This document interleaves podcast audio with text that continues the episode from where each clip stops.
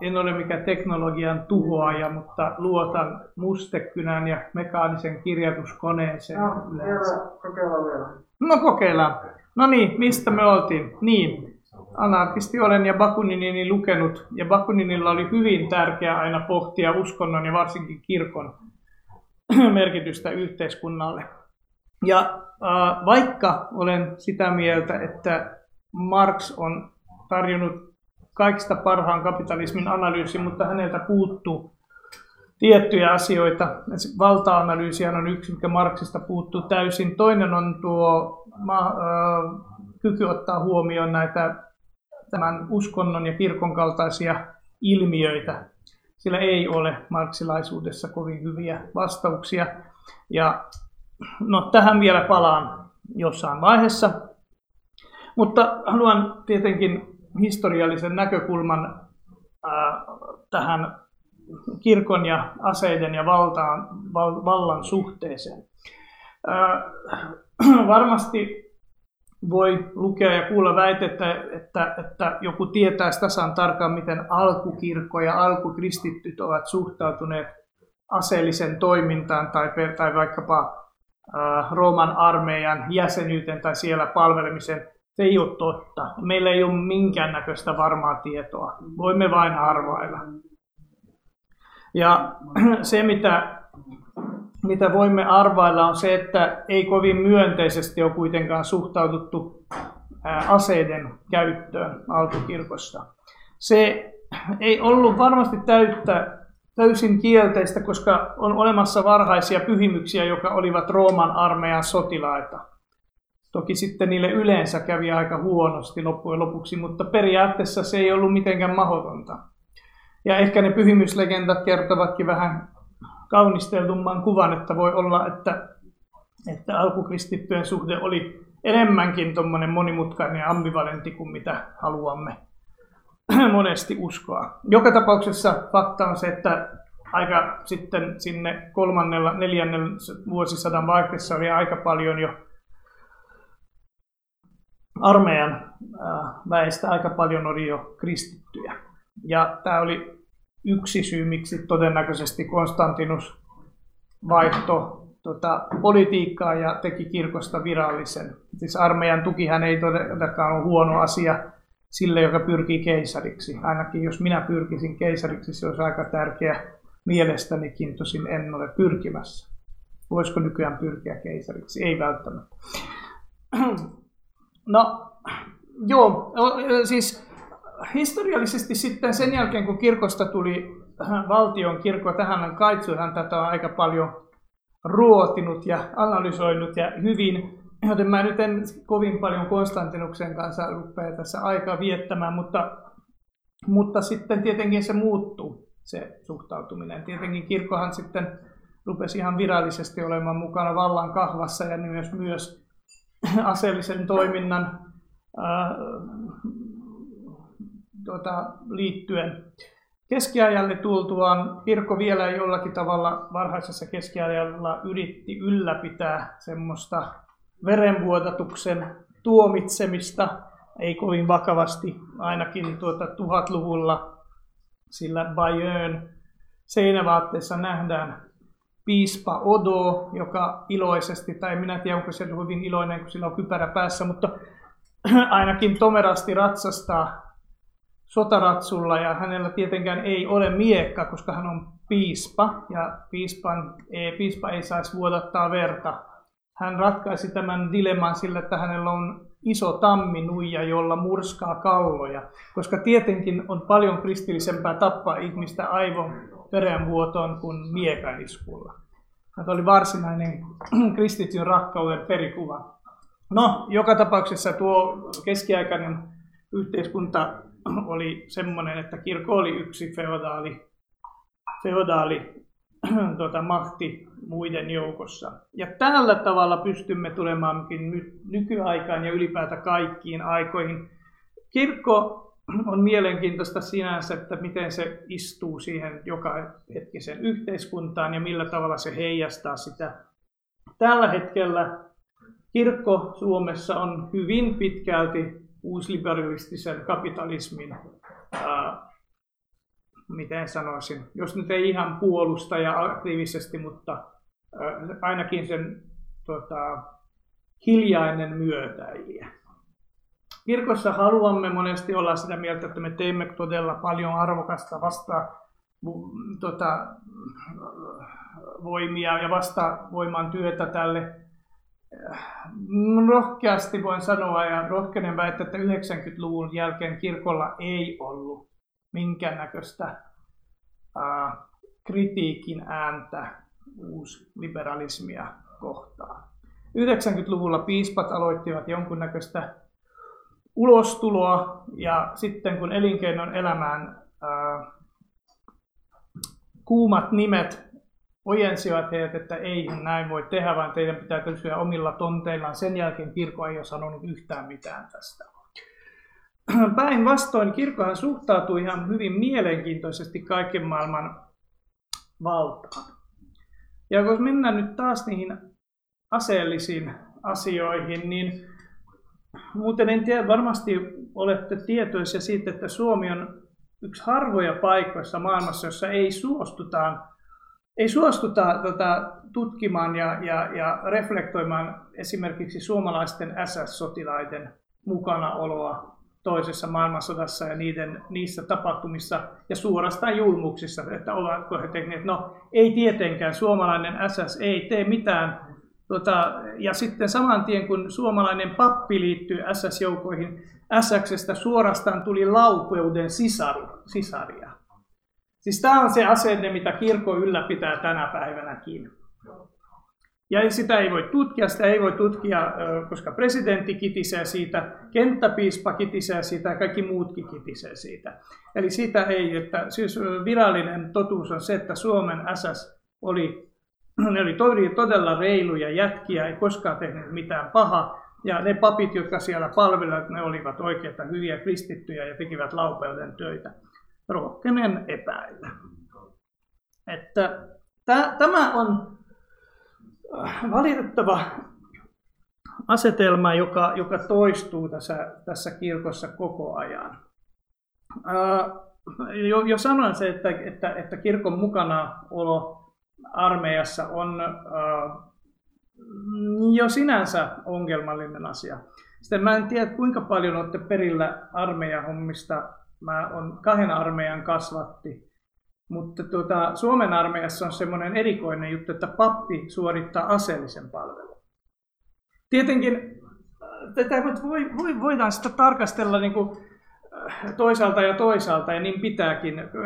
Onko sotilaspapin mukanaolo armeijassa, kun se siunaa niitä läsnäolollaan, en tarkoita nyt konkreettisesti, mutta kun siunaa läsnäolollaan sen toiminnan, onko se sen pahempi kuin että rehellisesti otan rynkyn käteen ja lähden taka, taka, taka, niin en tiedä. Mutta Suomi on siinä mielessä poikkeuksellinen paikka, että täällä sotilaspapit eivät suorita asetonta palvelua. Eli tämä on, tämä on sit maailman mittakaavassa aika lailla iso erikoisuus. On olemassa kuvia ää, toisesta maailmansodassa, jossa sotilaspappi ihan etenee kiväärikädessä, ei ole mikään poikkeus. Ja sitten viime kädessähän minä itse tiedän kokemuksesta, jos olen ollut viransijaisena armeijan leivissä ja minulla oli tota, ihan oikeus ää, sekä, mikä se on tuo pistooli, käsiaseeseen, että miksi sillä on joku hienompikin nimi se sidearm in English, tai sitten he tarjosivat jopa, että voisin kuitata Suomi, Suomi konepistoolinkin. En nähnyt sille kovin suurta tarvetta, mutta kuittasimme sen pistoolin kuitenkin.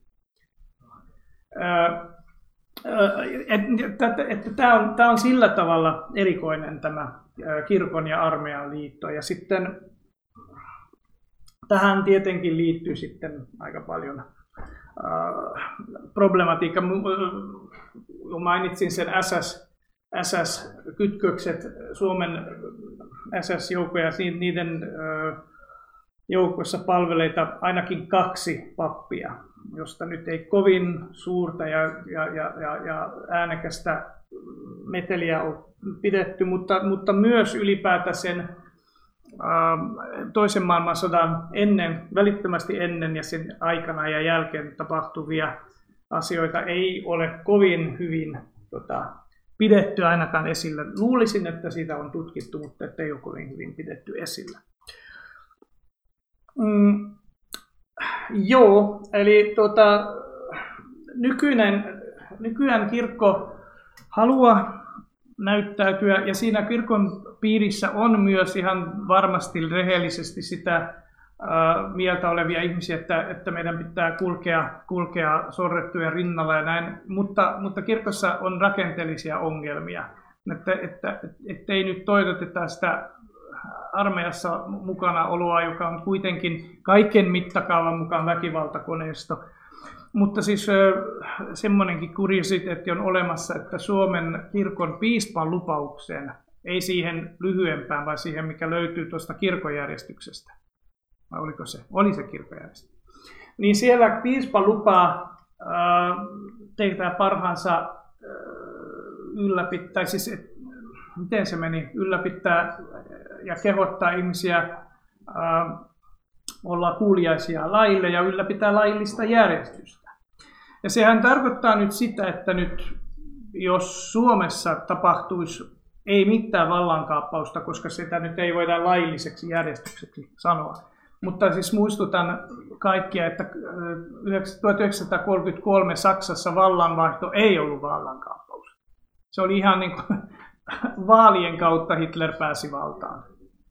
Eli nyt jos tapahtuisi teoreettisesti Suomessa semmoinen asia, niin äh, piispan lupaushan edellyttää, että piispa toimisi edelleen kuuliaisesti, esivallalle kuuliaisesti. Ja tässä nyt tullaan siihen hyvään kysymykseen, että äh, puolustaako kirkko kristillisiä arvoja tai mitä se sitten puolustaa. Ja siinä on se pieni, pienehkö ongelma, että mitä ovat kristillisiä arvoja, mitä kirkon pitäisi puolustaa. Se on jollekin, se on Vuorisaarnan,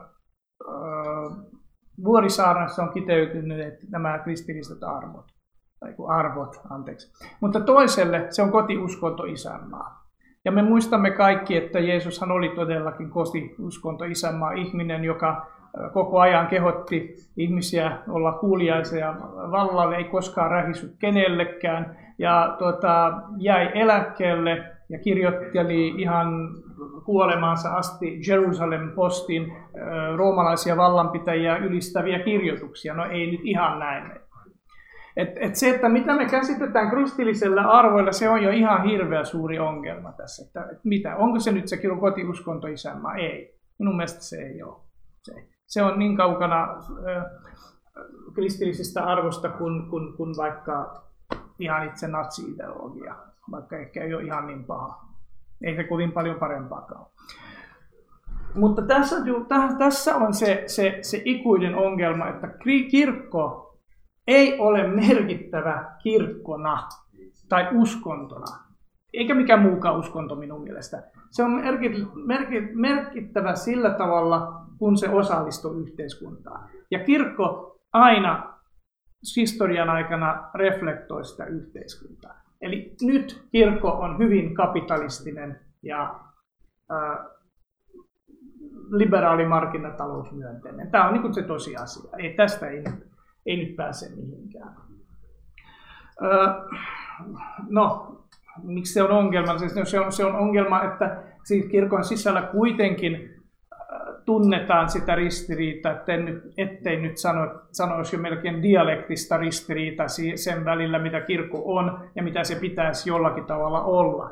Koska kuitenkin kirkon sisälläkin elää tietyllä tavalla äh, ne, ne, ne, ne ideaalit, mitä, mitä, mitä Jeesus Nasaretilainen ja hänen opetuksensa meille, meille edustaa että tämä ristiriita on olemassa. Se on ollut olemassa keskiajalla, se on ollut olemassa heti Konstantinuksen ajan jälkeen ja se on olemassa, ei tarvitse mennä nyt historiassa sen kauemmas kuin Saksassa toisen maailmansodan kynnyksellä ja toisen, toisen maailmansodan aikana. Kuten käytiin, oliko se kuukausi sitten, emerituspiispa Ville Riekisen pienellä luennolla Haukiputaalla, oliko se? Oli. Niin se hän totesi, että kaikista eniten siteerattu raamatun kohta Natsi-Saksassa oli se, että olkaa alamaisia esivallalta. Ja tämä oli myös Etelä-Afrikasta kaikista eniten siteerattu. Joo, en mene siihen, että mikä ongelma tässä itse raamatun kohdassa on, mutta tuota, äh, joo, eli siis kirkon, ja jos mennään niin vielä syvemmälle tämän analyysin, niin, niin kirkko on, tekee paljon diakoniatyötä, mutta siinäkin pitää aina olla vähän varpaillaan, kun, miten sanoisi, onko se, että kirkko tällä omalla panoksella itse asiassa osallistuu hyvinvointivaltion alasajoon. Tosin kirkossa on äh, potentiaalia olla hyvinvointiyhteisön rakentaja, mutta nykytilanteessa, kirkon nykytilassa, jossa se on naimisissa väkivaltakoneistoa käyttävien viranomaisten ja valtion kanssa, se ei pysty sitä olemaan. Se ei ole mahdollista. On kuitenkin, niin kuin sanoin, sillä kirkon sisällä on toimi rutostikin rehellisesti ihmisiä, jotka on sitä mieltä, että tämä ei sillä tavalla, tällä tavalla pitäisi toimia.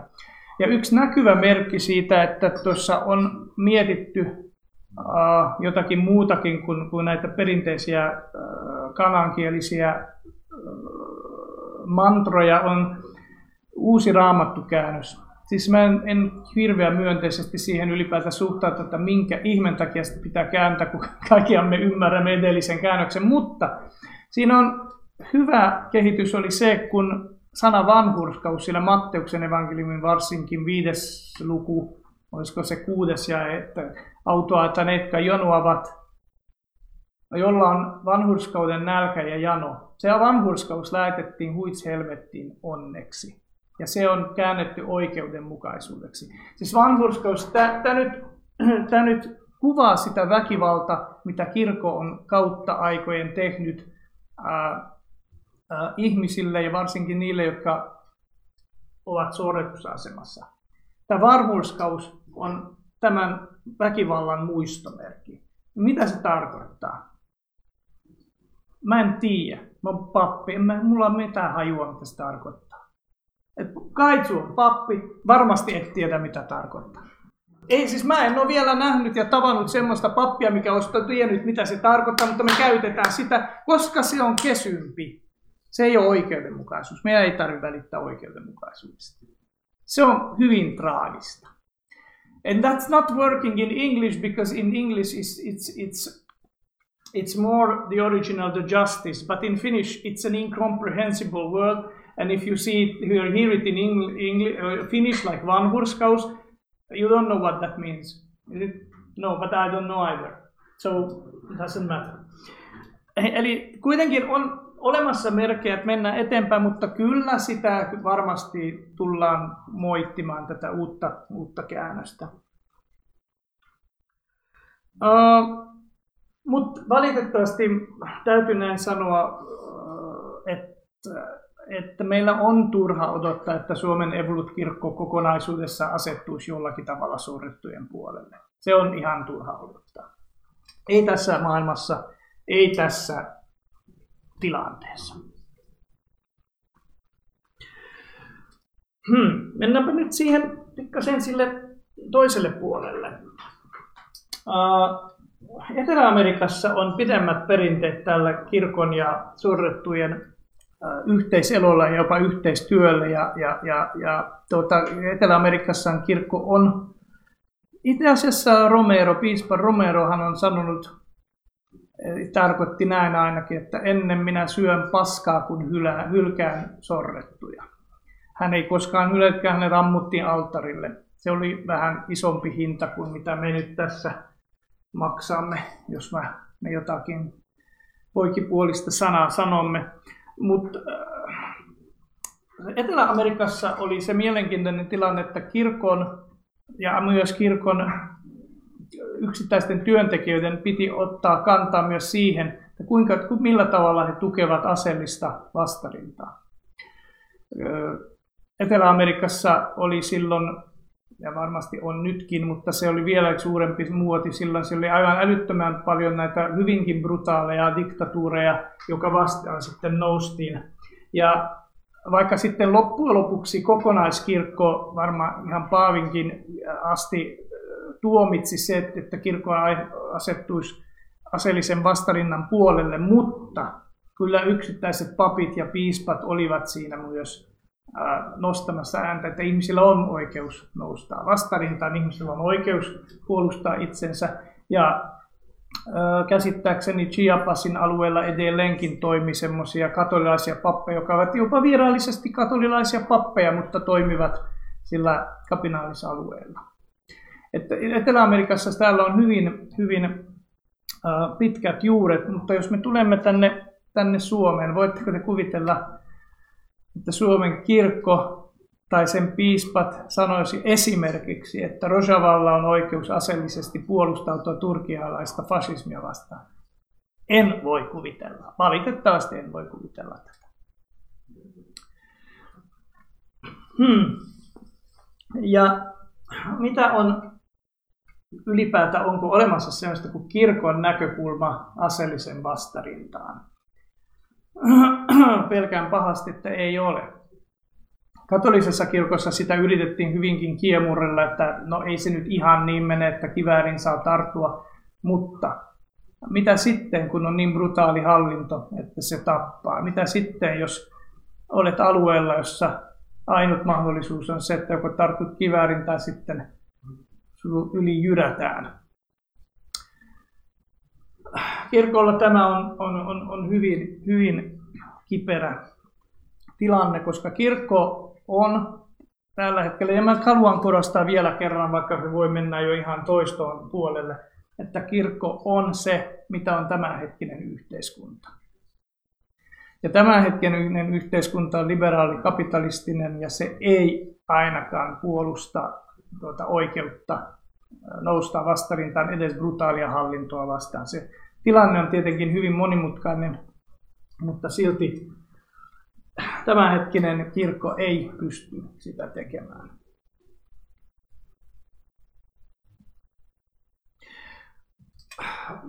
Onko sitten olema, siis, onko edes mahdollista siis se, että Suomessa olisi jonkunnäköinen vapautuksen teologian kaltainen teologia? Me, tämä varma ei ole mitenkään niin kuin kirkollinen, kirkollinen ongelma eikä kristityn ongelma. Tämä on niin joka ikisen helsinkiläisen anarkistin tai oululaisen anarkistin tai, tai, tai vaikka mistä olisi anarkistin tai, tai, tai kommunistin ongelma. Jos olen kotoisin vaikkapa Oulusta, niin hyvin suurella todennäköisesti maailman mittakaavassa olen enemmän sortaja kuin sorrettu. Ja niin me olemme kaikki. Me, olemme, me kuulumme niihin rikkaisiin, jonka takia intialaisessa ja, ja bangladeshilaisissa hikipajoilla tuota, oikeat työläiset työskentelevät. Se ei välttämättä ole ihan meidän vika, mutta se ainakin pitää ottaa huomioon. Eli se, että jos Siis problematiikka on semmoinen, että jos me rupean kehittämään vapautuksen teologia, joka menee Etelä-Amerikkaan vapautuksen teologian malliin, se menee mönkään. Koska, koska se eteläamerikkalainen vapautuksen teologia on lähtenyt niiltä niiden pappien ja piispojen, ensisijaisesti pappien tota, toimesta nousun, jotka elivät ja olivat yhtä köyhiä kuin ne ihmiset me emme ole, me, meillä siis on, että valitettavasti, mutta voihan sanoa niinkin, että emme valitettavasti, en tiedä haluaisinko me olla niin köyhä, mutta ei valitettavasti me emme ihan niin pysty asettumaan siihen köyhän asemaan. Ja me nyt en, tämä on semmoinen asia, mitä meillä jokainen pitää miettiä. Minä mietin tätä anarkistina perhana joka päivä melkein.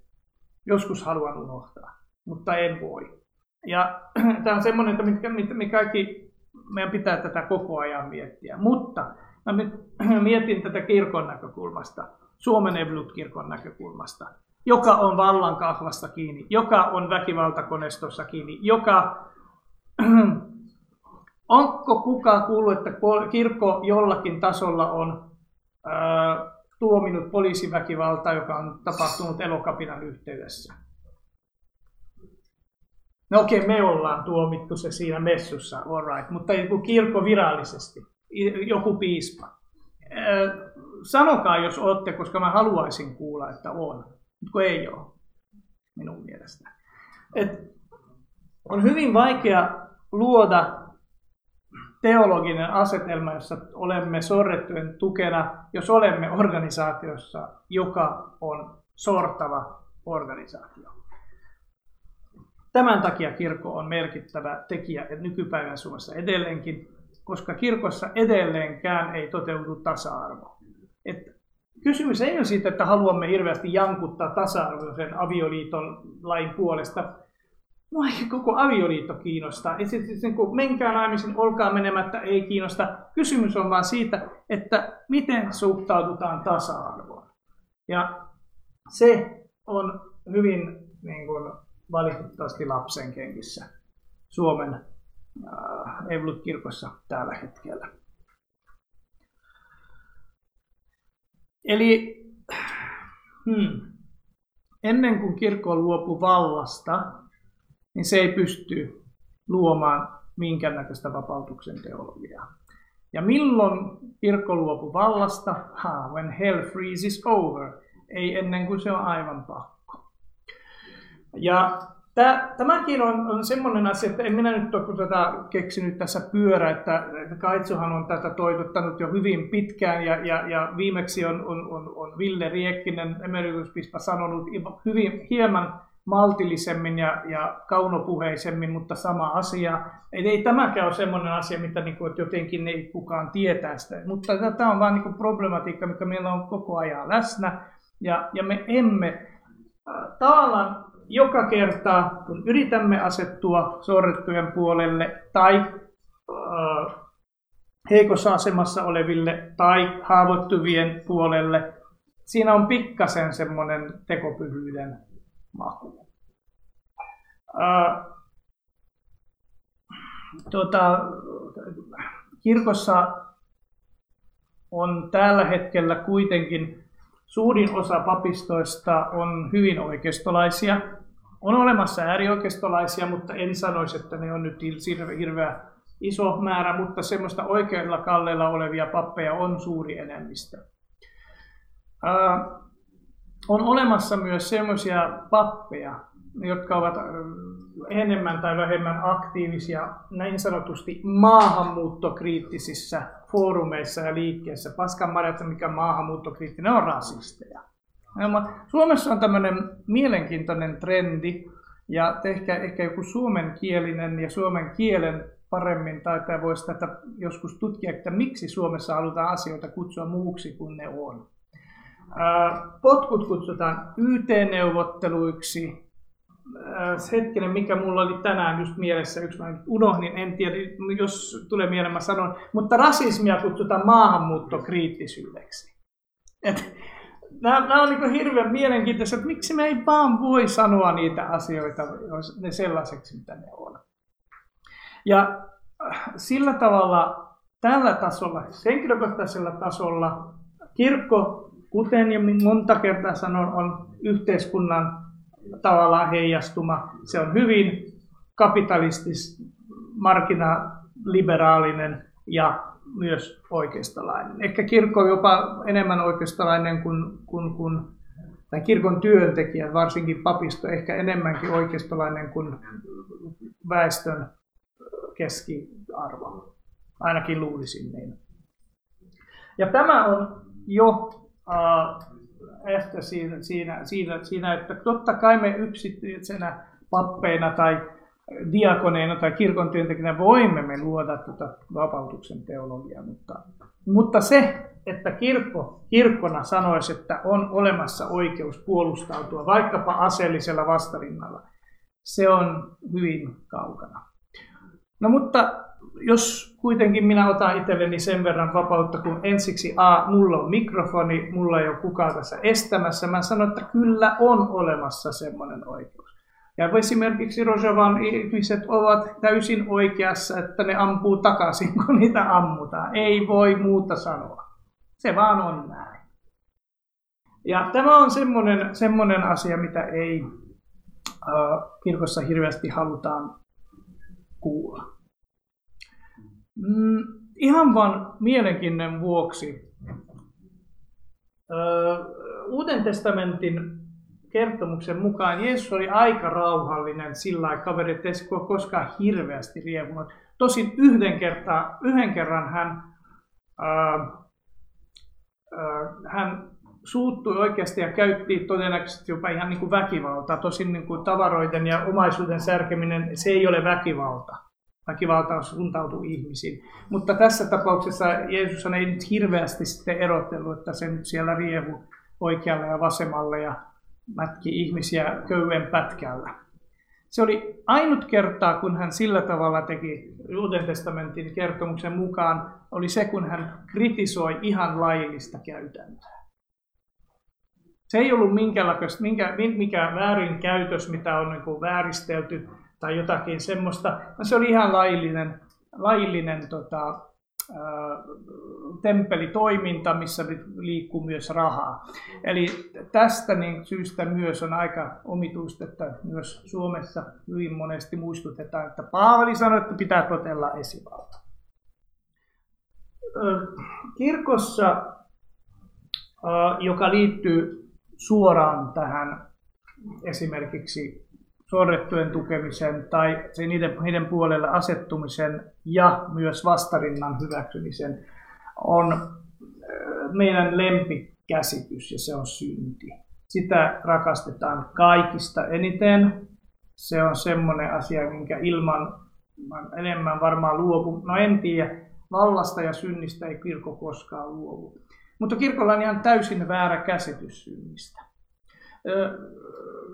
kirkon nyt karikoitusti nykyään, nykyään kirkon mielestä synti on se, että jos juon liikaa viinaa, poltan tupakkaa ja katselen naapurirouvan tai herran takapuolta. Tai jopa tuota, yritän päästä sinne käsiksi.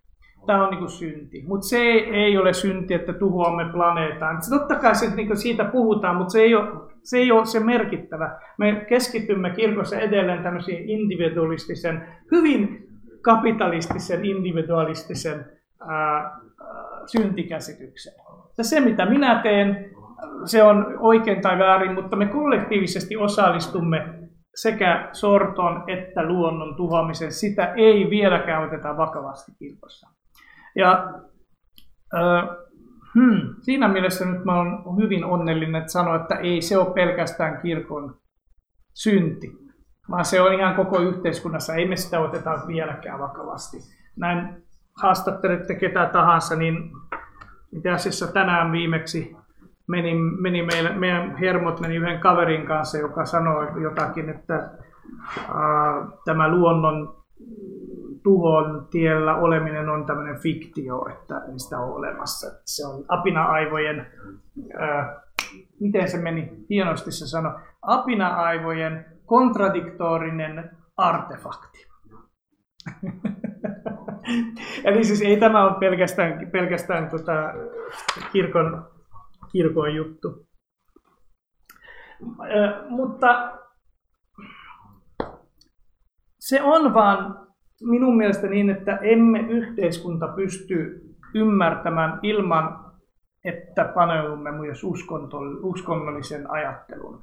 Ja se, me emme pysty ymmärtämään sortoa, valtaa, ää, ihan niin kuin, ei pystytä ymmärtämään sitä väkivallan käyttöä, mitä, mitä valtakoneisto harjoittaa ilman, ää, että me perehdymme myös uskonnollisen ajatteluun. Se on niin päivänselvä kaikille. Ja kun aluksi sanoin, että että arvostan suuresti marksilaista dialektiikkaa, mutta sieltä puuttuu nimenomaan kaksi asiaa. Tämä uskonnon ja sitten vallan, vallan analyysi. Ja tämä on ehkä, ehkä, ehkä Voi sanoa, että meidän anarkistien vähän tuommoinen vika, että me pystymme monesti osoittamaan, että mikä on vika, mutta meidän analyysi monesti jää aika lailla puolitiehen. Anarkistit, ainakin Bakunin, jos ajattelee, ne ollut kovin systemaattisia ajattelijoita. Tosi hänellä oli todella hyviä oivalluksia, varsinkin vallasta.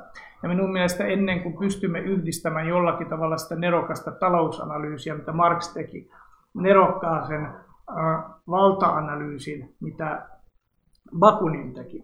Ja sitten sen lisäksi vielä tämän Pierre Bourdieun kulttuurianalyysin, niin vasta sitten me pystymme sitten oikeasti tyydyttävästi katsomaan se koko, koko yhteiskunnan tila ja, ja, ja saada semmoisen analyysin, minkä pohjalta sitten olisi helpompi, helpompi ehkä, ehkä mennä eteenpäin. Ja tähän, jos annan tästä yksi esimerkki, se, se, on, se on just tämä hetki, kun kirkko meni naimisiin aseellisen, aseellista mahtia käyttävän vallan kanssa, eli silloin 300-luvulla Konstantinuksen aikana. Kirkko ei ollut taloudellisesti silloin kovin merkittävä instanssi. Kirkolla ei, siis ei, se, sekään ei pidä paikansa, sekin on legenda, että silloin olisi pelkästään alempia luokkia tai orjia, mutta suhteessa siinä oli aika vähän Äh, yläluokkaista porukkaa. Eli kirkolla ei ollut minkäänlaista taloudellista tavallaan sanavaltaa. Äh, se voi olla, että armeijassa siinä vaiheessa oli jo äh, aika isokin määrä kristittyjä, mutta mistralaisia oli yhtä paljon, se kilpaili. Jostakin syystä kirkon vaikutus, ja se pystyy ymmärtämään pelkästään kulttuurivaikutuksena, koska sillä ei ollut poliittista maata. Jostakin syystä kirkon kulttuuripääomasta tuli niin painava, että Konstantin piti sitä käyttää. Ja teki sen ihan taktisesti hyvän vedon, että hän käyttikin ja hänestä tuli sitten keisari. Tämä vaatisi hyvin paljon analyysiä, mutta tämä on vain yksi esimerkki siitä, että ilman valtarakenteita, ilman kulttuurirakenteita. Ja nimenomaan sitä kulttuuripääomaa, mitä Bourdieu, mistä Bourdieu puhuu. Ilman sitä mikään analyysi ei ole, ei ole valmis. Ja nimenomaan nyt mä menen pikkasen sivuraitelle. Tämä teki siitä marksilaisuudesta pikkasen vaarallista, että heillä ei ollut sitä valta-analyysiä ja se meni aika helposti sitten tota, totalitarismin raiteille, koska kun et analysoi sitä valtaa, niin et voi olla valmis siitä ää, tavallaan niin kuin torjumaan. Ja, ja, ja, ja valta on myös kirkossa, kirkko on sokea omalle vallalle tällä hetkellä. Ja kirkon sisällä ei mielletä sitä, että meillä olisi valta, mutta ei meidän tarvitse, että siis todellakaan ei kannata tuittautua, ettei jos kirkolla on valta. Sen takia olisi hyvin merkittävä asia, jos kirkko pakotettaisiin jollakin tavalla luopumaan siitä. Koska jos nyt rehellisesti sitä äh, tarkastellaan, niin kirkkohan ei ole alun perin ollut äh, tarkoitettu valta-asemaan.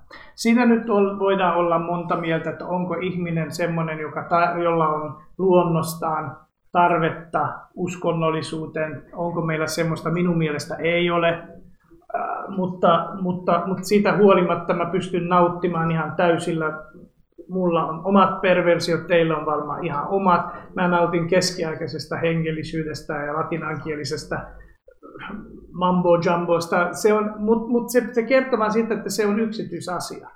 Et siihen, siihen, siihen, ennen sitä, ennen kuin me päästään siihen, että uskonto on yksityisasia, ennen sitä kirkko tulee ja uskonnollinen yhteisö, mä puhun kirkosta, koska tunnen sen kaikista parhaiten, niin kuin ei mä muita niin paljon tunne, mutta ennen sitä kirkko tulee olemaan vain sen yhteiskunnan osa ja sen status quo ylläpitää, niin kuin se on tähänkin asti ollut historian aikana. et, se, miten siihen päästään, siitä voidaan ajatella, että päästään ihan luonnollisen poistuman kautta. Miten se meni? Mun yksi kollega sanoi, ei kun minä sanoin hänelle, että ihana, että eläköityvät ne patut, ne konservatiiviset patut, kun ehkä muuttuu tämä. Se, se kollegani sanoi, että niin, tai sitten he ehtivät kouluttaa itselleen niitä ääliömäisiä seuraajia. Eli luonnollisen poistuman kautta, vaikka nyt koko kirkko hävisi, kyllä sinne nyt joku rakennelma. Pointti ei ole siitä, että onko evankelismilainen kirkko hyvä tai paha. Pointti on vaan siinä, että kirkko rakennelmana on niin kauan kun on, tai siis siitä lähtien, kun se oli Konstantinuksen jälkeen päässyt valta-asemaan, niin, ja niin kauan se on ylläpitänyt väkivaltaista konestoa, väkivaltaa ja antanut vaikka se ei antaisi suoraan siunauksensa aseelliselle sorrolle, mutta läsnäolollaan se on koko ajan sitä tehnyt ja tekee edelleenkin. Okei, mä nyt olen aika paljon tässä paasannut. Voisiko joku nyt joku, jotakin kysyäkin tai kommentoida, kun ainakin sen verran, että minä juon vettä. No, mä Mä voisin kommentoida ihan. Mainitsit tuon Etelä-Amerikan, tota, siis, tämä on ehkä kommentti, mä en tiedä vielä, onko mä tähän kysymykseen. No, katsotaan. Mutta mielenkiintoista ainakin se, että mä oon asunut Chiilessä joku aikaa ja tiedän sen, että, että Pinochetin diktatuurin aikana, niin siellähän siis katolainen kirkko niin oli auttanut siis tota, ihmisiä siis pysymään piilossa. Mm. Eli ihmisiä, jotka nimenomaan nyt piti toimittaa nopeasti rajan yli, koska tiedämme tietenkin, että siellä oli paljon paljon ihmisiä niin mustalla listalla ja monet eivät päässeet maasta pois, mutta se, että tiesin, tai olen kuullut tästä mm. ja sitten olen kuullut tästä niin kuin, sitten ikään kuin no, tutkijoilta ja siellä niin kuullut tätä, että sitä on aika paljon tutkittu siellä, miten paljon kirkko siinä kohtaa auttoi. Mä en itse tiedä, oliko se silloin kuinka julkista. Se on seuraava kysymys, että oliko se sellaista niin kuin, tuskin kirkko tavallaan instituutiona auttoi, että se varmaan oli enemmänkin kyse semmoista niin yksittäisistä henkilöistä, jotka auttoi. Mä en tiedä, onko sä sitä No siis esimerkiksi jesuitat oli hyvin aktiivisia siinä. Mm. Eli siinä voi ajatella, että siinä oli jonkunnäköinen organisaatio, mutta niin kuin mä sanon, kirkko kokonaisuudessa oh, hyvin varovasti ne suhtautuu siihen. siihen. Ja, ja siis tästä siis ei, pelkästään, ei Chilestä pelkästään, vaan muuallakin niin kuin jesuittajahan tapettiin ihan niin kuin urakalla mm. diktatuurin asevoimien tai sitten niiden kuolemanpartioiden juuri tämän takia, että he auttoivat. Et se on sitten siellä ihan eri mittakaavassa. Mutta kun, kun, kun, kun sinäkin sanoit, että kuinka paljon se nyt kokonaiskirkko vai kuinka paljon se on yksittäisiä äh, kirkon palveluksessa olevia, jotka asuvat siinä ja eivät pysty kuitenkaan sulkemaan silmänsä, äh, en tiedä. Se on, se on edelleen se on erittäin hyvä esimerkki, että ei Saksassa kaikki kristityt kuitenkaan asettuneet vastarinta liikkeen puolelle, vaikka niitä olikin, jotka asettuvat. Että, että tämä kirkolla on tämmöinen, varsinkin nämä kirkko ja aseet on, on, on semmoinen asia, että kirkolla on tämmöinen hyvin tekopyhä, tekopyhä suhtautuminen siihen, että se on niin kauan, vaikka kirkko, tietenkin ne piispat ja, ja, ja paavikin väittäisi ihan vastaan, mutta niin kauan, että se on ok, että vallanpitäjä käyttää aseita. Mutta sitten kun joku muu alkaa käyttää, niin, niin se, se alkaa olla niin kuin ongelma. Niin. Bonhoeffer hän sanoi, että kirkko instituutiona se on demoninen, mutta se, tavallaan se vaan painostaa yksittäisen mm. kristityn kautta, se voi toteutua oikeudenmukaisuus. Mm. Instituutiona on lähtökohtaisesti jo. Joo. Tästä tuleekin mieleen, että keskeyttäkää jos jotakin haluatte, kun mä kyllä, mä oon pappi, mä oon oppinut hirveästi puhumaan niin koko ajan. Niin, et, et, et, siis, tässä on uskonnon, uskonnossakin on ongelma ja uskonnot ovat sillä tavalla hyvinkin ristiriitaisia äh, kokonaisuuksia, että niihin on valitettavasti melkein kaikkiin sisäänrakennettu me ja muut ajattelu. Ja se on aika vaikea sitten päästä pois koska, siitä, koska se ne on pyhissä kirjoituksissa, ne meidän muut. Ja sitten kun, kun, kun me varsinkin aina, äh, ruoho on aina vihreämpä aidan toisella puolella, äh, ehkä seksi mä tykkään enemmän latinankielisistä lauluista kuin suomalaisista virsistä. Ja sitten monesti ollaan sitä mieltä, että buddhalaiset on maailman parhaita, mutta ei Myanmarissa esimerkiksi Rohingojen kansanmurha on buddhalaisten munkien lietsoma. Että, että, että, että, että ei sekään nyt, että siis uskonnolla on Tämä on tämmöinen, tämmöinen hyvin dialektinen suhde, että uskonnolla on rooli, mutta uskonnolla on tasan sen verran rooli, mitä se on jossakin yhteiskunnassa. Eli uskonnolla oli huomattavasti eri rooli keskiaikaisessa yhteiskunnassa kuin mitä on nyt. Tosin naimisissahan se on koko ajan vallan kanssa. Ja tämä, tämä on niin kuin, ää,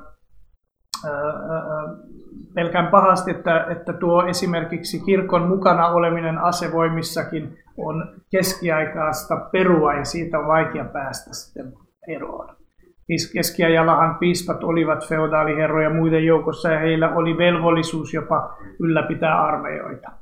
Et ei pelkästään sitä, että peace and love and understanding, vaan ihan niin kuin, se oli velvollisuus, heiltä odotettiin. Suuret luostarit oli feodaali omistajia, niille piti ylläpitää tota, isoja asevoimia. Ja se, että nyt Abotti ei mennyt edes sen verran, ei vaivautunut, että tuolla Tamminujalla murskaa jonkun kallon, mutta kyllähän se on maksanut ja ylläpitänyt isoja sotajoukkoja, jotka sitä tekivät sitäkin innokkaammin sitä. Niin, ja tuli mieleen kirkohallojen kolonisaation niin näkökulmasta, että ja hyvin pitää Etelä-Amerikka myös esimerkkinä, että se on valitettava historia tietenkin ja sitten, että mitä sitten versus tietysti, miten paljon niin kuin, niin, että miten paljon alkuperäiskansoilla on sitten ollut omaa niin sanottua jonkinlaista hengellisyyttään, joka ei ole sitten ollut sitä tietenkään mitään tekemistä tämmöisen niin institutionaalisen niin uskonnon kanssa. Että se, se, Joo. se on mielenkiintoinen pointti. Mutta, Kyllä. Niin. tuo on taas tämä, että kirkko instituutiona on ollut melkein poikkeuksetta sorron ja tota, kansanmurhankin äh, tukia. Toisaalta yksittäisiä ja joskus järjestöjäkin on, onhan Etelä-Amerikassa kyllä 1500-luvulla, nekin oli sattumoisin jesuitat, jotka järjestivät myös niin kuin aseellista vastarinta siellä niin kuin intianien keskuudessa mutta se oli aika lyhyt, lyhytaikaista. Toisaalta sitten niin kuin 1500-luvun espanjalaisessa yliopistossahan oli semmoinen debatti, että onko intiaanit ihmisiä, koska ihmisiä ei saa sortaa. Ja sitten varsinkin nämä ö, luostarijärjestöt olivat hyvin aktiivisia siinä, että kyllä intiaanit ovat ihmisiä mutta se käytännössähän ei, ei koska käytännössä Etelä-Amerikan mahtipiispat olivat naimisissa vallan kanssa ja niiden asestettujen konkvistaattorien kanssa, jotka ryöstivät fyysisesti ja tappoivat. Että siitä ne saivat sitten niin kuin sitä omaa hyötyä. Että, että, että kirkossa on, on, on tämä hyvin, hyvin, hyvin ristiriitaista. Ja mä sanon sen, että kirkossa, ja on varmasti näin monessa uskonnollisessa yhteisössä, koko ajan haaveillaan ja fantasioidaan siitä, että tulee joku hengellinen herätys, josta sitten kaikki on hyvin. No ei tule. tai joka vaikka tuliskin. Ei, ei mikään muutu ennen kuin institutionaalinen valta on purettu. Ja tämä nyt on ihan sama, puhutaanko me valtiosta vai kirkosta.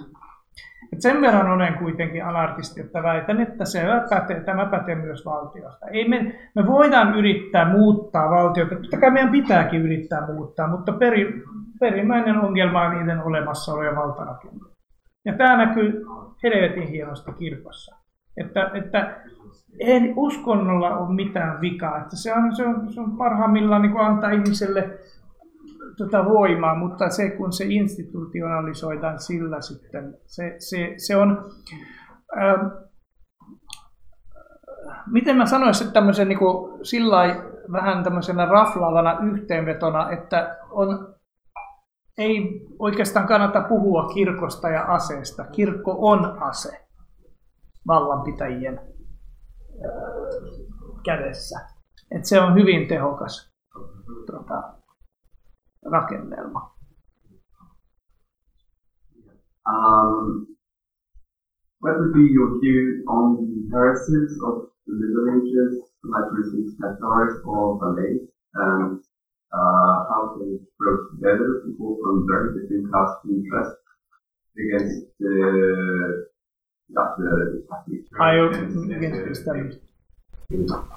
Okay, you could have asked me something more easy, but but never mind. I mean, the problem is with this uh, with the heresies. The problem is that a lot what we know about them is known through the church, the established church. That's the first problem. The second church. Uh, the second problem is that the, the rest what we know is either wishful thinking or legends. So the problem is I don't really know how much, uh, especially uh, anarchists, we are so eager to trace our thoughts to to historical stuff. Well, for fuck's sake, Thomas Münzer was not an anarchist. It doesn't matter what we claim, he was not.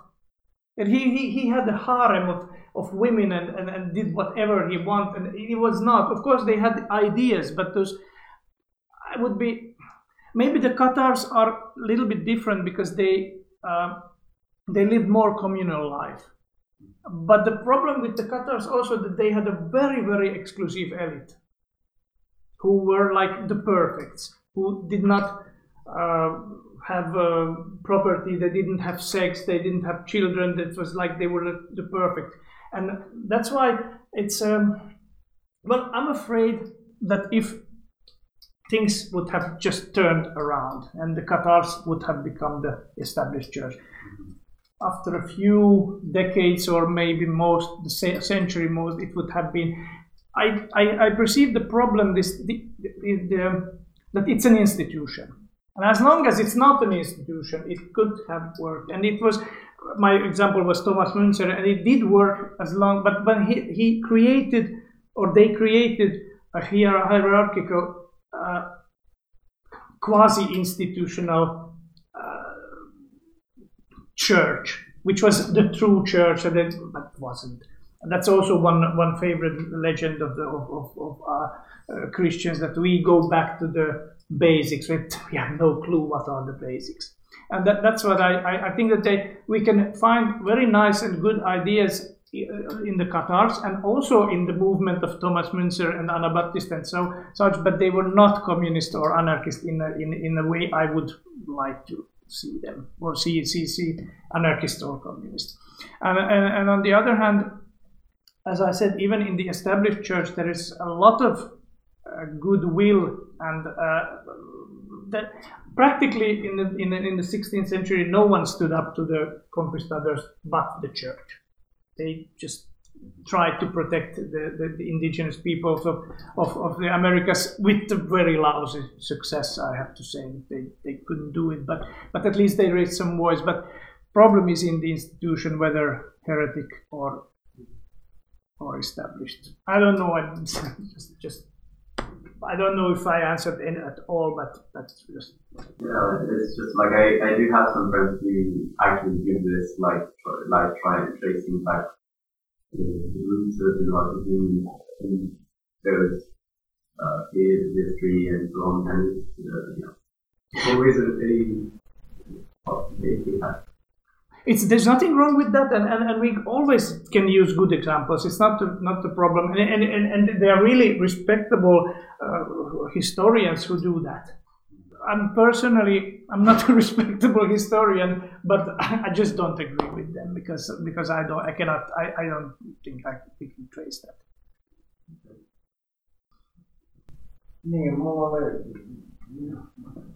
mielestäni, siis tässä käsiteltiin paljon niin kuin tällaista ideoiden historiaa. Mua itse ehkä enemmän kiinnostaa just sellainen materiaalistinen näkökulma, että kenen etuja kirkko on ajanut ja mitä se on syntynyt liikkumaan. Ja tietysti kristiusko on kiinnostava, koska se on menestyksekkään vallankumousliike historiassa, sikäli se on onnistunut sitä edeltävän yhteiskuntamallilla oikeastaan niin kuin hävittämään aika lailla mm. totaalisesti, mikä ei oikeastaan onnistunut kauhean hyvin mitään muuta. Ja sitten, ja sitten niin kristiusko on, on vähän niin feudalismi-ideologia ja sitten taas liber, jota vastaan sitten liberalismi, joka on kapitalismi.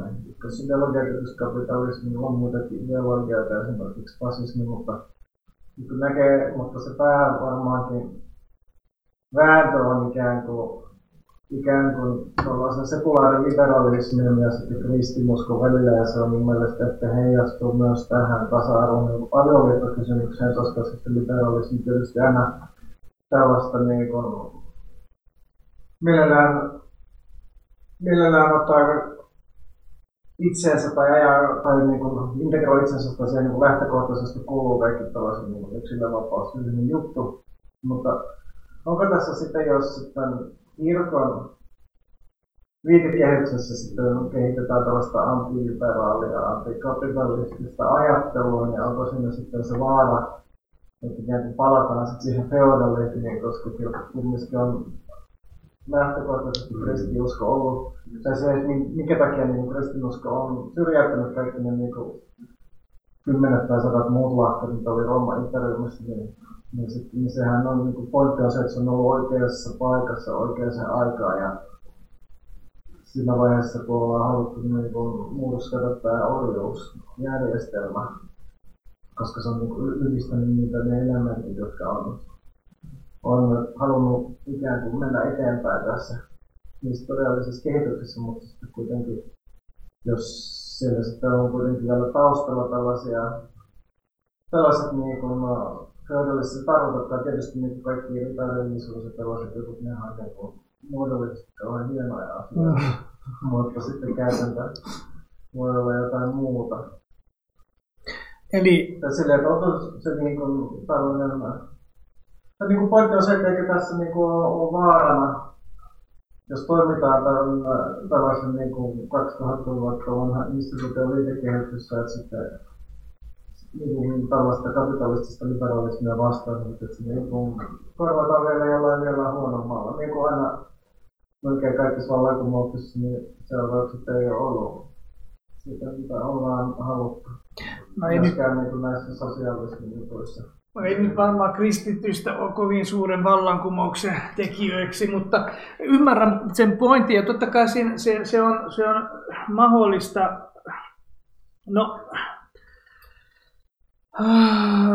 toi, no, niin, no mun, mun näkemys on se, että kristillinen kirkko, siitä ei ole tommoseksi. Eli se, se ei, ei, ei tule pelaamaan minkäännäköistä tärkeää roolia äh, yhteiskunnan muuttamisessa. Se pitää tulla muualta se muutos. Minun, minun tuota, huoleni on siinä, että ei kirkko asettus kovin pahasti niin kuin sitä vastaan.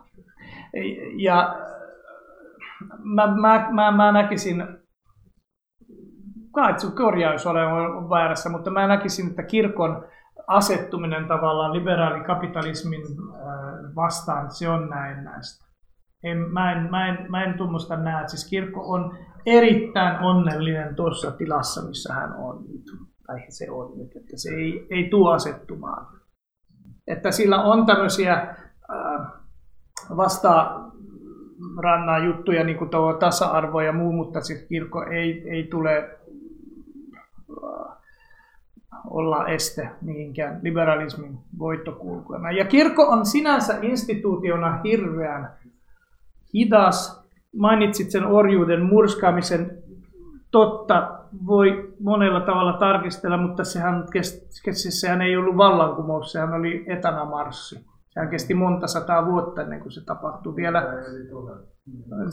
vielä niin kuin tuolla 700-luvulla oli ihan kirkko omisti samalla tavalla orjia kuin muutkin. Että se muutos oli tosi hidas. Toki, toki olet siinä oikeassa, että siinä oli niitä siemeniä, sen, kun se, silloin se oli kuitenkin se tasa-arvo se on edelleenkin sisäänrakennettu. Ei, ei ole kreikkalaista, juutalaista eikä miestä eikä naista, vaan Jumalan edessä on kaikki, kaikki tai Jumalassa on kaikki yhtä, se on siinä. Mutta kirkko, edellinen, mä pelaan takaisin, että kun peräänkulutit sitä materialistista, minä just nimenomaan haluaisin sanoa, että niin kauan kun se on kiinni instituutiosta, institutionalismista ja se on instituutio, mikä on hyvin tukevasti kahdella jalalla kiinni siinä materiaalisessa todellisuudessa, niin se ei, ei kirkosta ole semmoinen vastavoima. Se on, se on, se on kulkenut vaan niin kuin perässä. Sano.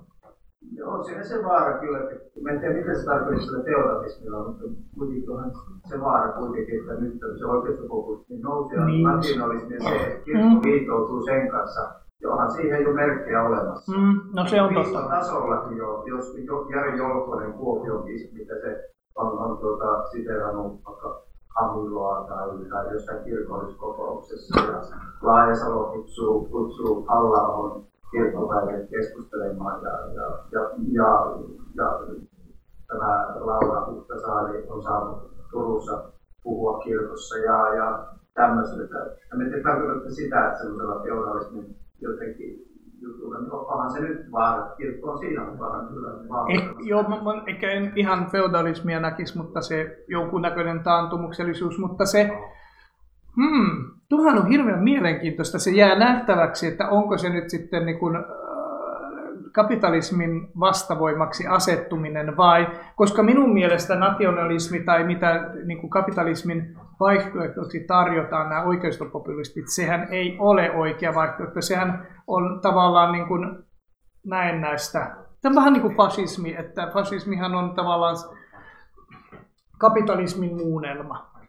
Et, et, mutta totta kai siinä on olemassa se vaara, että kirkko menee siihen mukaan ja se on, se on todellista.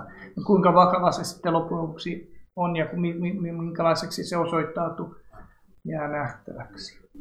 Feudalismilla tarkoitin ehkä sitä, niin kuin, jos kapitalismi ja feudalismi arvot otetaan vastakkain, niin kapitalismissahan kenestä tahansa voi tulla mitä tahansa ja sitten tämmöinen mm. käsi-idea, että jos olet ahne ja haluat rahaa itselle, niin siitä sitten löytyy kaikki muut. Että tämähän on jotain kaikki niin vastaavaa. Joskus ajattelijat kirkolliset ajattelijat on kritisoinut ja ihan 1700-1800-luvun kapitalismin alusta asti, ja sitten, mutta se on sitten ehkä kuitenkin tältä osin hävitty se kamppailu, että sitten me, niin kuin jos mennään ehkä ympäristöliikkeessä tai tällaisessa, mitä ideoita vielä vielä niin kuin pysyy, mutta en tiedä onko sitten kirkossa, mutta ehkä nationalismi on ehkä sellainen niin toinen, ehkä niin toinen kenttä, koska, koska feudalismiahan kuitenkin universaalinen, liittyy katoliseen kirkkoon ja tällaiseen niin universaaliseen kansalaisuuteen, että kaikki voivat olla kristittyjä ja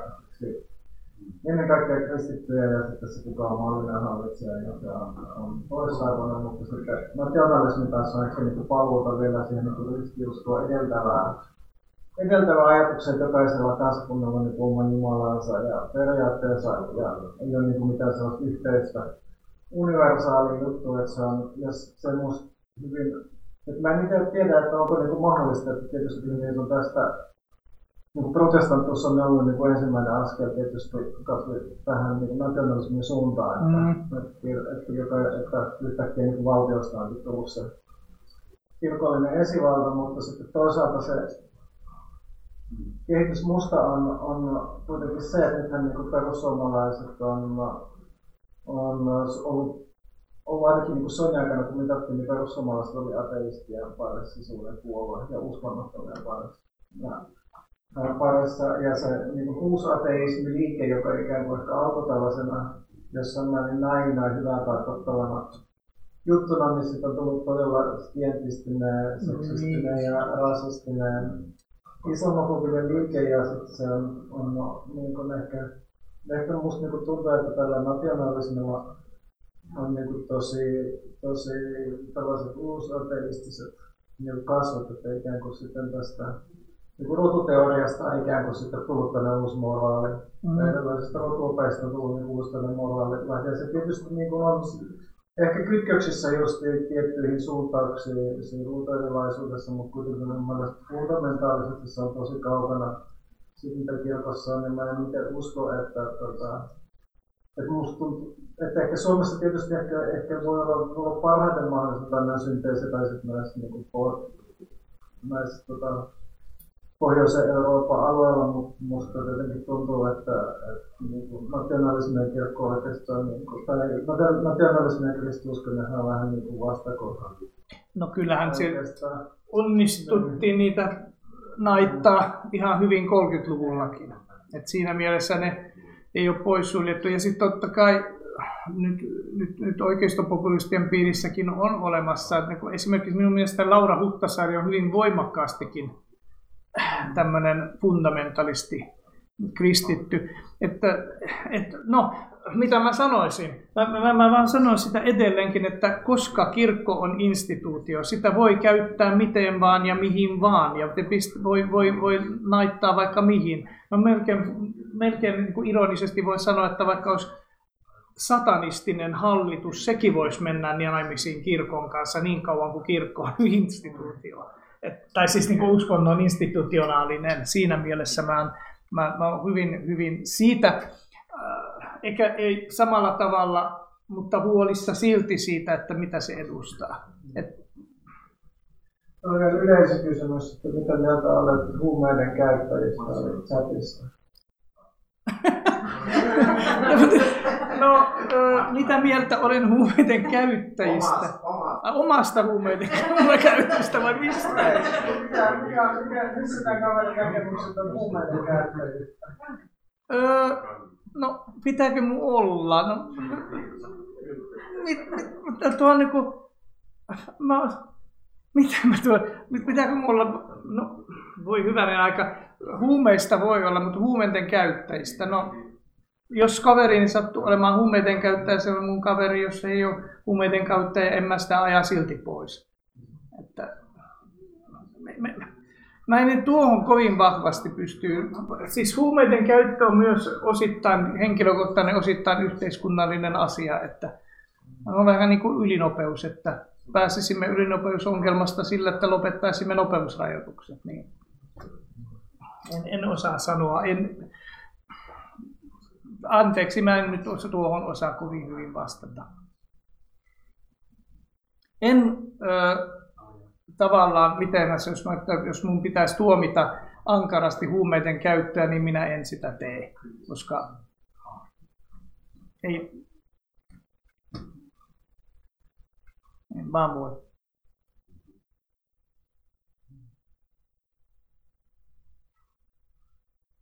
Oliko vielä jollain?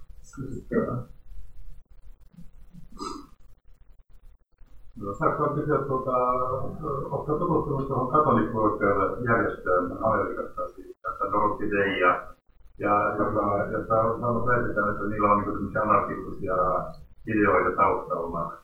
En tiedä, mitä se auttaa, se kaveri Peter Maurin tai Moran tai mitä se on. Aa, joo. No en ole kovin syvällisesti, täytyy sanoa. Olen sillä niin kuin vähän. Että, että, että en, en, en ole, mä sit vapaus, tai siis sen va, ähm, Etelä-Amerikan puolelta olen näitä klassisia vapautuksen teologia juttua lukenut ja hän oli sitten siinä tietenkin oman ajan tuote ja siinä oli enemmän sitä marksilaisuutta, mutta mulla on muuten kiinnostaa just se marksilaisuus ja sen suhde muutenkin aika moneenkin asiaan. Mutta tuohon en, en uskalla sanoa sen enemmän. Koska kyllä vielä toisen jutun. Mä tota, netissä rupesin imuroimaan näitä, kun Tukholmassa on nyt julkaistu tämmöisiä anarkismi- ja uskontoa äh. Mm-hmm. Ja on kolme volyymiä jo ilmestynyt ja oletko tutustunut niihin?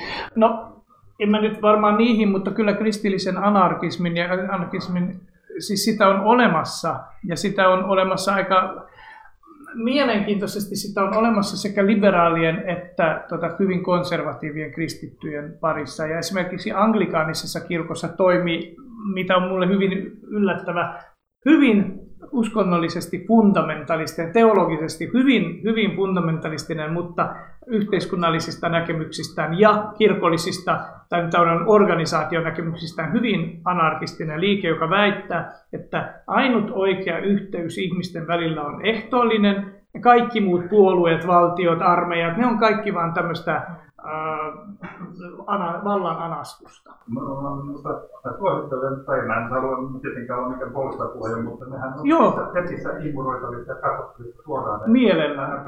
and religion. Mielellään, mielellään, kyllä. Siellä on aika moinen joukko jo Joo. eri puolilta maailmaa eri uskonnoista niin kuin esseitä. Ja, Joo. ja ne on ihan piirrossa reviewdeja, ja siellä on, on niin tieteellisiä artisteita. Joo, hyvä, kiitos. En mä tiedä, kuuletteko niitä, mutta anarkismi on levitty. Se on Tukholman yliopistossa, niin kuin ne on, on kolme jo ilmestynyt. Ja kaksi osaa löytyy tuolta Espoolaisen arkistosta, jossa kiinnostaa hakea sen kirjoittaa. Ah, okei. Okay. Sehän on suoraan niin kirjoittaa Adatisma Revision, mutta sieltä nyt tulee kaikki kolme osaa esille. Ilman muuta, kiitos tuosta vinkistä. Tämä on oikein Joo, no, mutta ei, ei mulla mitään muuta ole. Tämä herätyspuhe vaan, että jos ketään kiinnostaa. Mm-hmm. Joo.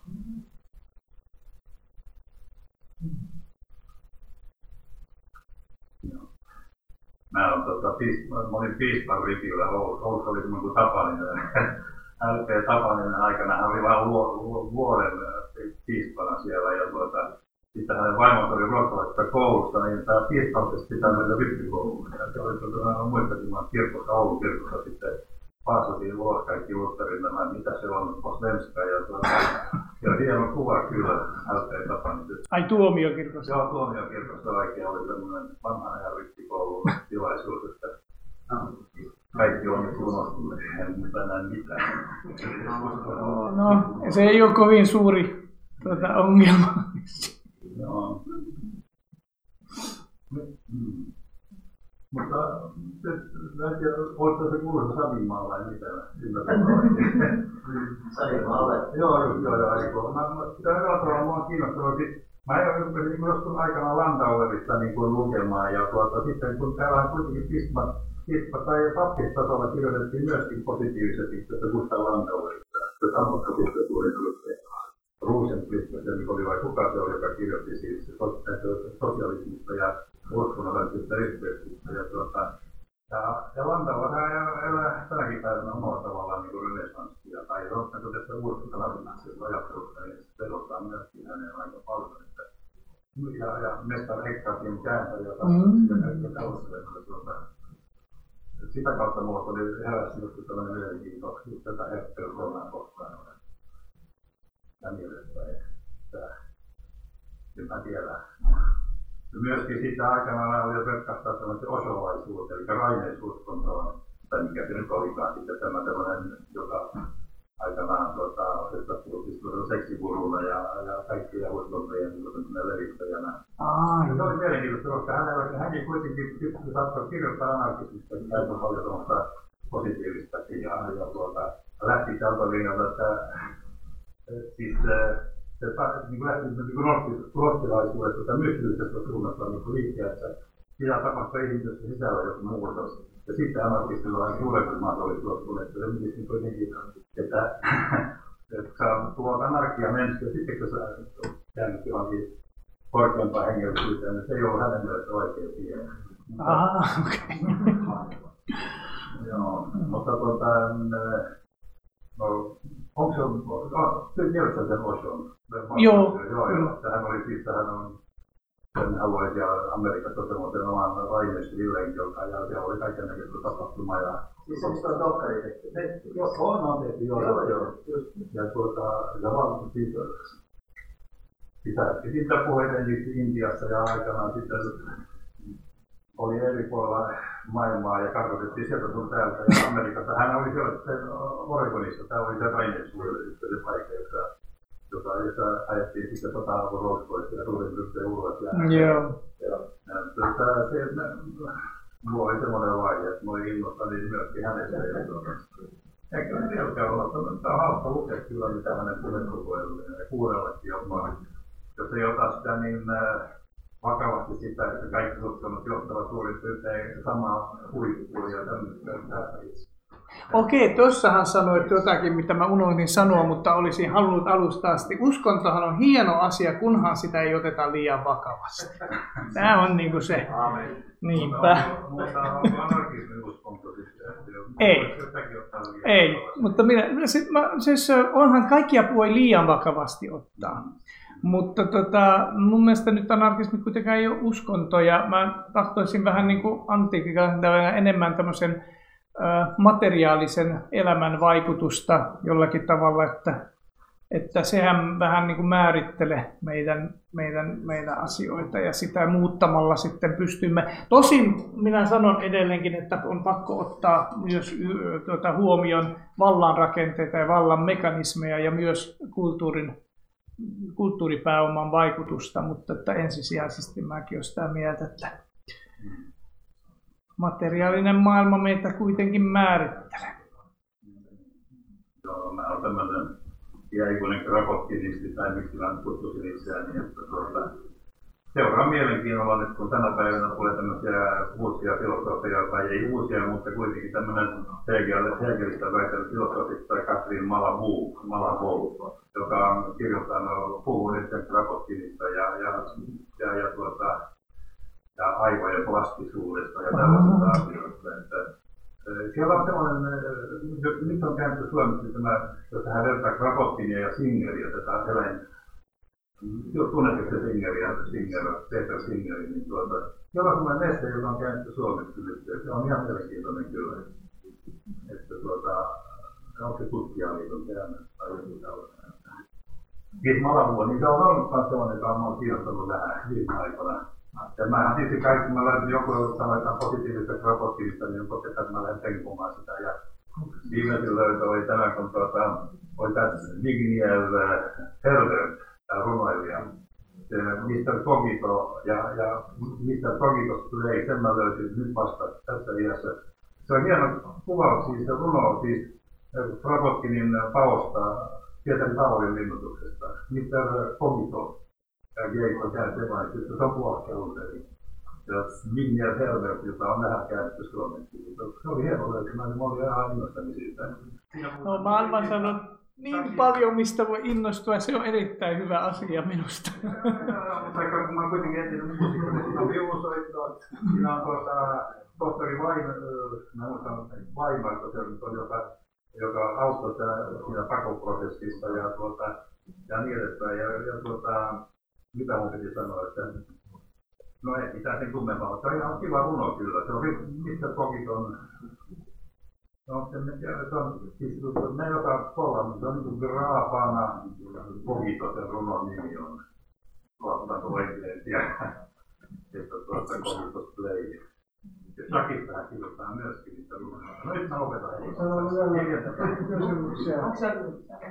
Joo, tällainen kysymys. Millainen asema kristityllä voisi olla sotavallan vastaisessa liikkeessä? Mitä he voisivat tarjota?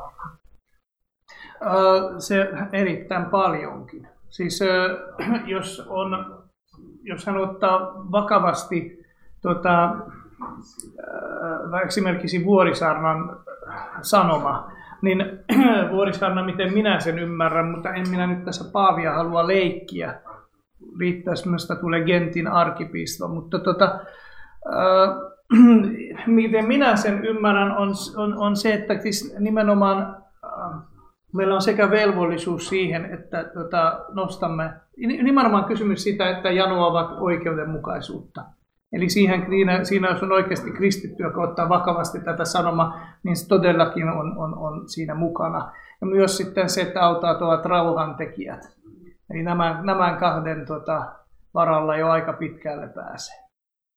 Mutta loppujen lopuksi se on jokaisen meidän kristityn tai ei-kristityn on itse päätettävä, että millä tavalla. Mutta minä sanoisin, että näillä kahdella, kahdella oikeudenmukaisuuden janoamisella ja rauhantekijän toimijana, niin sillä pääsee jo aika pitkälle. Täällä oli toinen kysymys, että puhuja, miksi arabijeesuslainen lahkon perustaminen, joka ei toimisi kirkon alaisuudessa, olisi huono ajatus? Olenko minä sanonut, että se olisi huono ajatus? No, mutta tota, siis, äh, hmm, en minä tiedä, olisiko se huono ajatus, mutta minun näkemys on se, että, että uskonto on enemmän yksityinen äh, asia. Tosin, kuten sanoin, että siinä on myös kristinuskossa on olemassa myös äh, aineksia äh, hyvinvointiyhteisön rakentamiseen, joten en minä sitä nyt mitenkään dissaa tässä, tällä niin kuin, en mä sanoisi, että se olisi huono ajatus. Sitähän voi kokeilla, kunhan sitä ei sitten viedä niin kuin liian pitkälle tietyn suuntaan, niin kuin monesti on uskonnollisia öö, liikkeitä viety.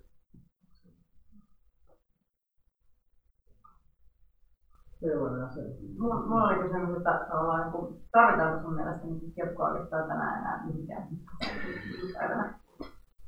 tai minkä takia se sitten tavallaan sinun mielestäsi pitäisi edelleen Tuo heittää mut kohta tuota jollakin, jos mä nyt tämän sanon, mutta mä sanon silti. Minä Sisähän se kirkon virassa. No itsekin oot vielä. Mutta tota, äh, siis äh, mä tykkään, siis mä itse, niin kun mä, mä korostan, että kirkon ja uskonto on yksityistä asia, että minä tykkään oikeasti korkeakirkollisista menoista ja, ja, ja niin kuin korkeakirkollisesta messusta. Siihen, siihen, sillä tasolla mä tarvitsen. Mutta en minä sitä sen taso, sillä tasolla tarvitse, että siinä olisi niin kuin näin massiivista. Et tavallaan kirkko pitäisi olla tämmöinen liturginen ja tavallaan tämmöinen yhteisö. Et siihen minä sanoisin, Ortodoksi kirkko. Miksi se tulee en halua olla. Mulla on se latinalainen perinne paljon tärkeämpi. Eli siinä mielessä, siinä mielessä mä tarvitsen, mutta jos joku nyt sanoo, että ei tarvita ollenkaan, en minä sitäkään nyt sano, että se olisi väärässä. Et, kunhan sitä riisutaan sitä valtaa, valta ei pitäisi kuulua siihen. Jotenkään mun mielestä valta ei pitäisi kuulua mihinkään. Totin nyt, mutta taas se on eri. Saanko kysyä Joo, toista? kyllä. niin miten sä oot itse päätynyt pastoriksi? Mikä tää sun niinku tie tässä on ollut taustalla, että oot tähän päätynyt tähän, tähän Öö, tää- nyt Ja tä- vä- sitten sun pitää tätä olla vähän että niinku oot myös tarkempi. Miten sä oot? Mua Sitä. Mä ajattelin, että jos Helsinki, me hyppäsimme auton perään, että tultiin tänne. Mutta, niin, mutta tota, ai anarkistiksi. Aa, Ei, no, vaan niinku pastoriksi, että sä oot anarkisti, mutta kiinnostaa niinku tää, että miten sä oot päätynyt tähän niin sanotusti, että sulla on tää niinku hengellinen toimi nimeltä pastoriksi. Juu. Niin sä, Voi hyvänen aika. Mä oon, oon ollut anarkisti varmaan 16-vuotiaasta lähtien. Ei mua kirkko silloin kiinnostanut pätkääkään. Toisaalta mulla on hirveän iso taakka mun perheestä, siis suussa on noin 300 vuotta taaksepäin ollut näitä pastoreita ja tämmöisiä, tämmöisiä turhan päivän toimittajia. Mutta ja sitten kun minä, minä kasvan kuitenkin teologian ja pappien ympäröimänä, mä ensimmäiset kännit vedin, yksi pappi juotti mut semmoisen kännin, että huhu. Ja kaikki semmoiset isommat merkittävät asiat tapahtuu perhepiirissä, jossa oli rutosti pappeja. Ja se teologinen keskustelu oli osa koko mun nuoruutta. Ja se va- muovasi niin kuin todellakin. Ja mä sen arvostan edelleenkin. Mitä vähemmän minä äh, tykkään kirkosta hierarkisena organisaationa, sitä enemmän tykkään teologiasta. Et, et, et, mä, mä- en ole niin sillä katunut, no en ole katunut kuin neljä kertaa päivässä, että olen opiskellut teologiaa, mutta, mutta niin kuin loppujen lopuksi se teologia, sen kiinnostus, sitä mä en ole koskaan niin kuin katunut. Se, se, se muovautui vähän niin kuin rin, samalla, samaan aikaan kuin se anarkismikin. Että, mutta ehkä mä olen ennen ollut anarkisti ja sitten mä mutta mut näin, että se, se on tämmönen, se on pitkä, pitkä, pitkä matka.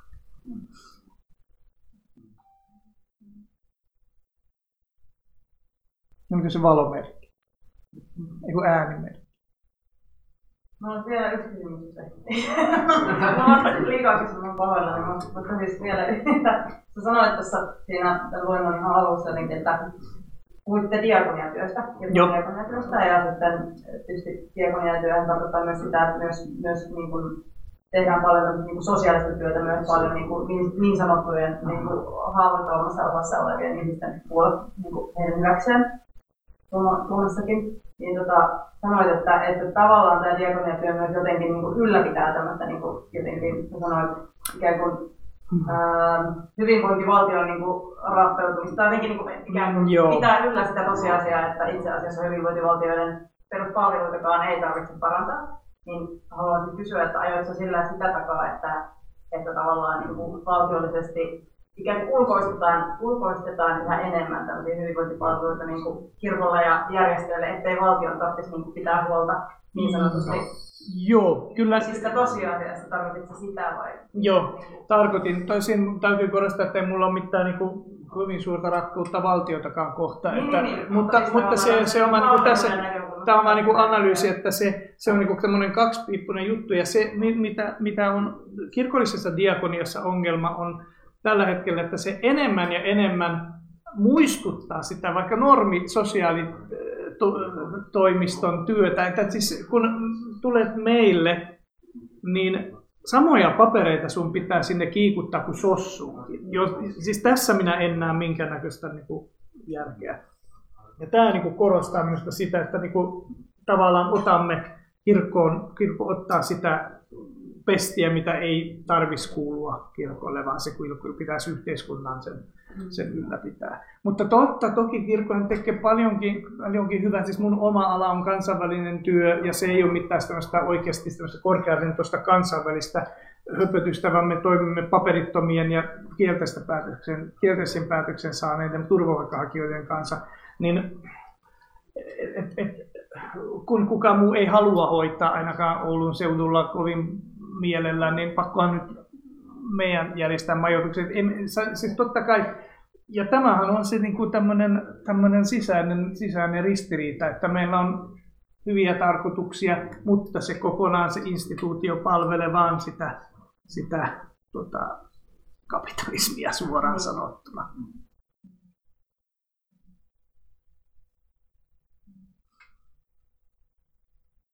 Mitähän se siinä? Siinä se on, kun se hävisi sieltäkin. niin, kyllä. Aina. Mutta joo, kiitos yleisölle. Kolmen viikon päästä jatketaan jossain täällä mukaan, kunhan löydetään paikka. On, aihe on antipasismin teorioita. Silloin ja tosiaan pysäytetty sitten 13.12. Kiitos Arpa. Kiitos.